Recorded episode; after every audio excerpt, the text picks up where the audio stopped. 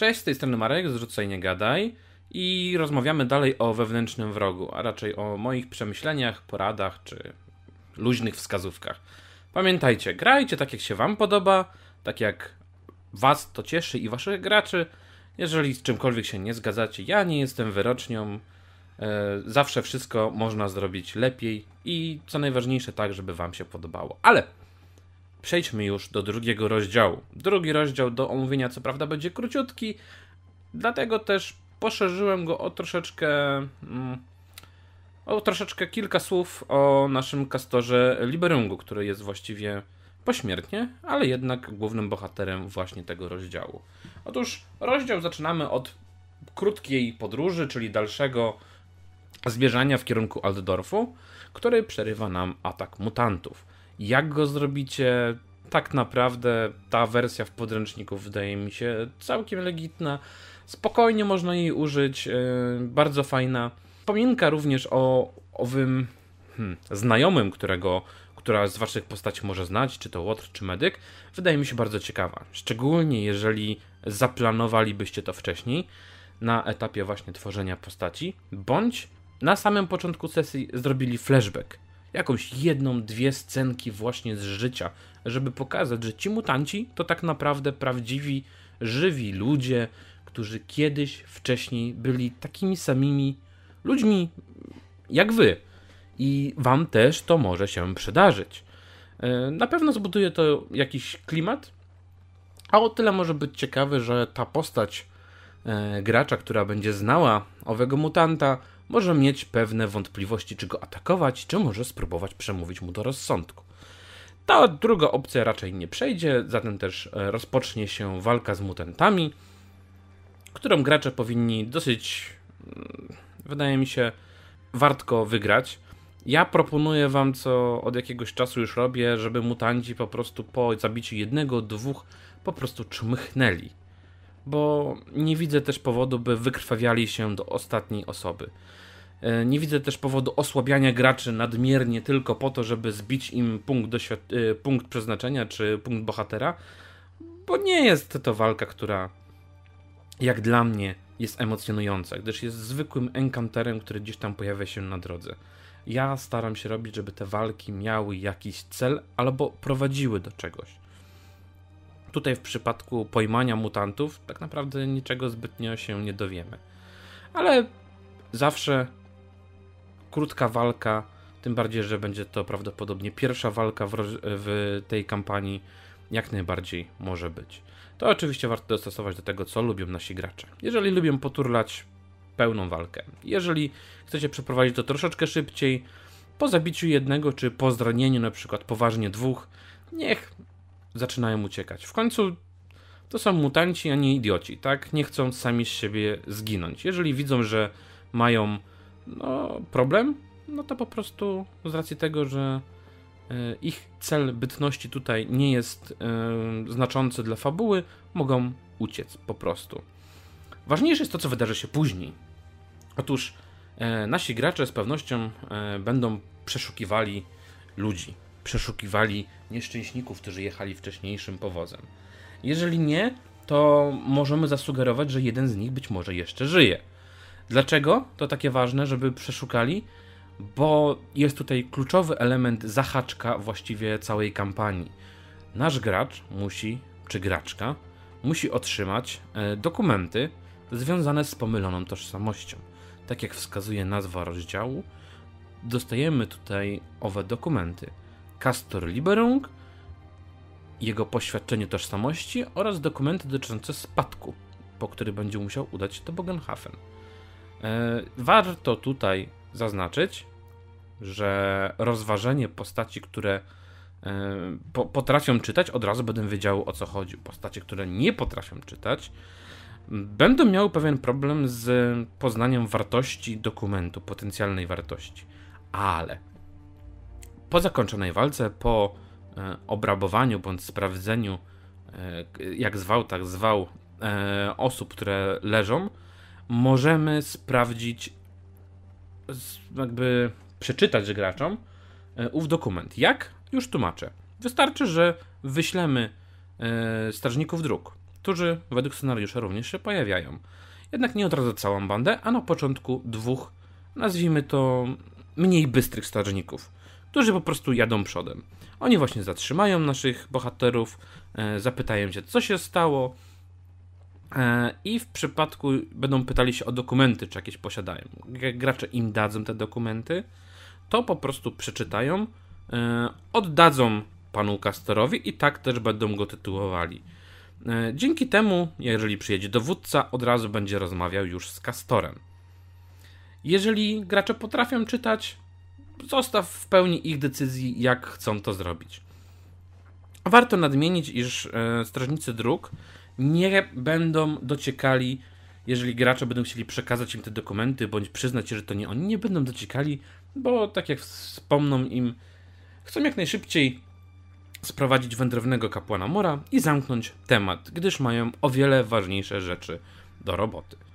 Nie będą zbytnio się interesowali, jeżeli gracze będą stwarzali e, z drugiej strony wrażenie niezbyt uczciwych, być może takich, którzy mogą odpowiadać za ten napad, to będą prosili ich o złożenie e, wyjaśnień, zaznawanie pod przysięgą.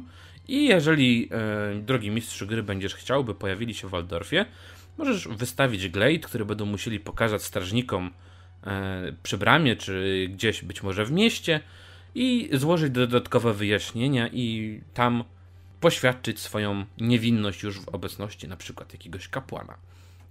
To oczywiście pełna dowolność, ale wydaje mi się, że warto, gdyż może nastąpić sytuacja, że nasi gracze postanowią od razu pójść do Bogenhafen. Oczywiście jest to możliwe i nie zmieni dużo w przygodzie, jednak pewne zmiany będziesz musiał poczynić. Dzięki zabiegowi takiemu, iż dodatkowo wzmocnisz tą potrzebę pojechania do Aldorfu, by oczyścić swoje imię, Dzięki takiemu zabiegowi właśnie przeprowadzisz scenariusz bardziej liniowo, a twoi gracze poznają miasto i co ważniejsze, zobaczą imperatora, co też w późniejszym etapie będzie ważną e, wskazówką dla nich, gdyż zobaczą imperatora nieprawdziwego, a mężczyznę, który się za niego podszywa. Mam nadzieję, że jesteś zaciekawiony i chcesz zobaczyć, co dalej się wydarzy. E, jest to o tyle fajna kampania, że również dla mistrza gry przewiduje ona pewne smaczki, gdyż jako mistrz gry będziesz musiał przewidywać, jak dane postacie niezależne zachowały się, albo jak poczynania graczy na nie wpłynęły. Pomimo liniowości przygody, wydaje mi się ona naprawdę ciekawa i nasycona momentami, które możemy zmieniać.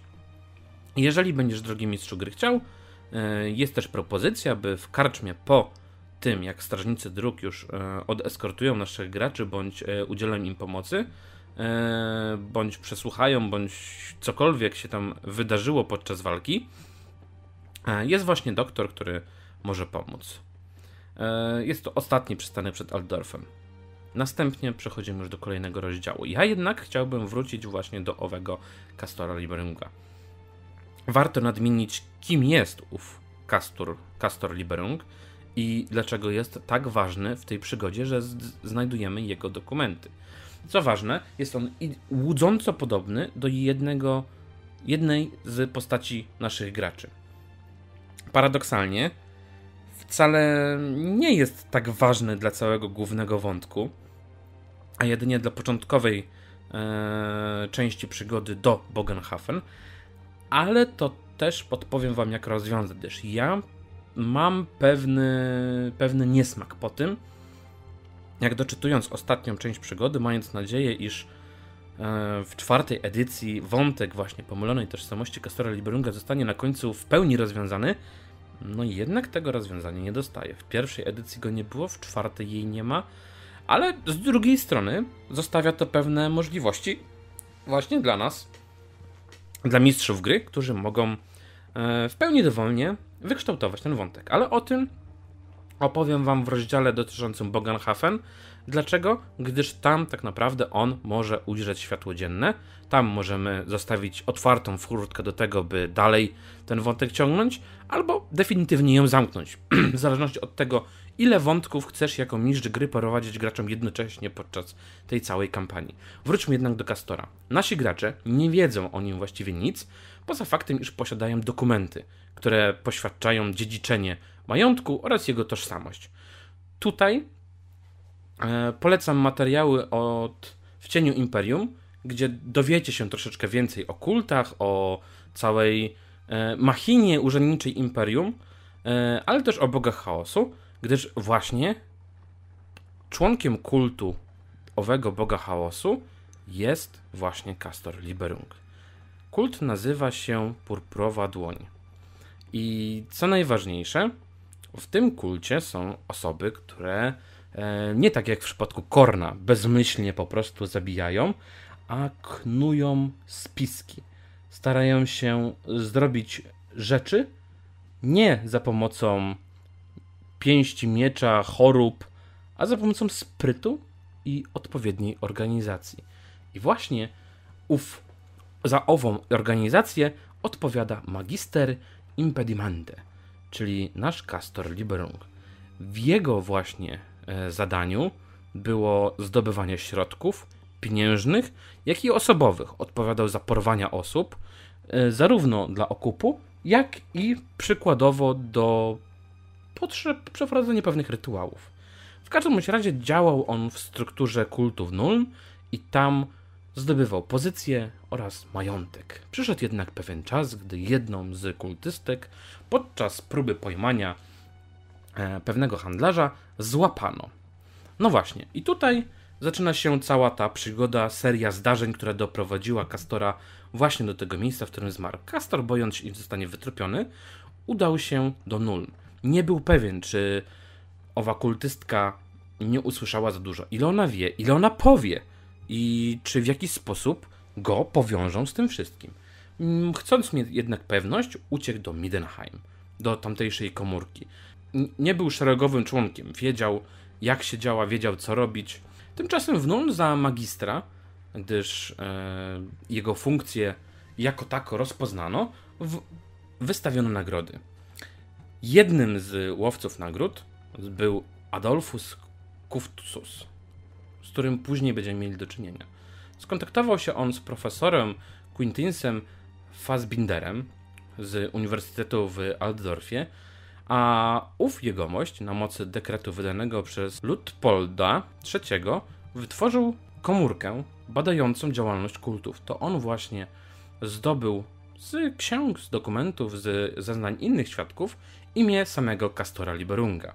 To on również pomógł przygotować odpowiednią pułapkę, uwierzytelniając ją o odpowiednie dokumenty oraz, przynajmniej w mojej wersji wewnętrznego wroga, o faktyczną ist faktycznie istniejącą osobę, która bezpotomnie zmarła.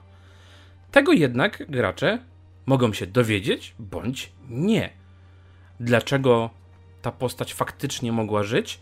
Po pierwsze, żeby wzmóc wiarygodność, po drugie, żeby ten majątek rzeczywiście był, gdyż takie rzeczy, jeżeli gracze by chcieli, da się gdzieś sprawdzić, a szczególnie będąc w Altdorfie, do którego niechybnie zmierzają.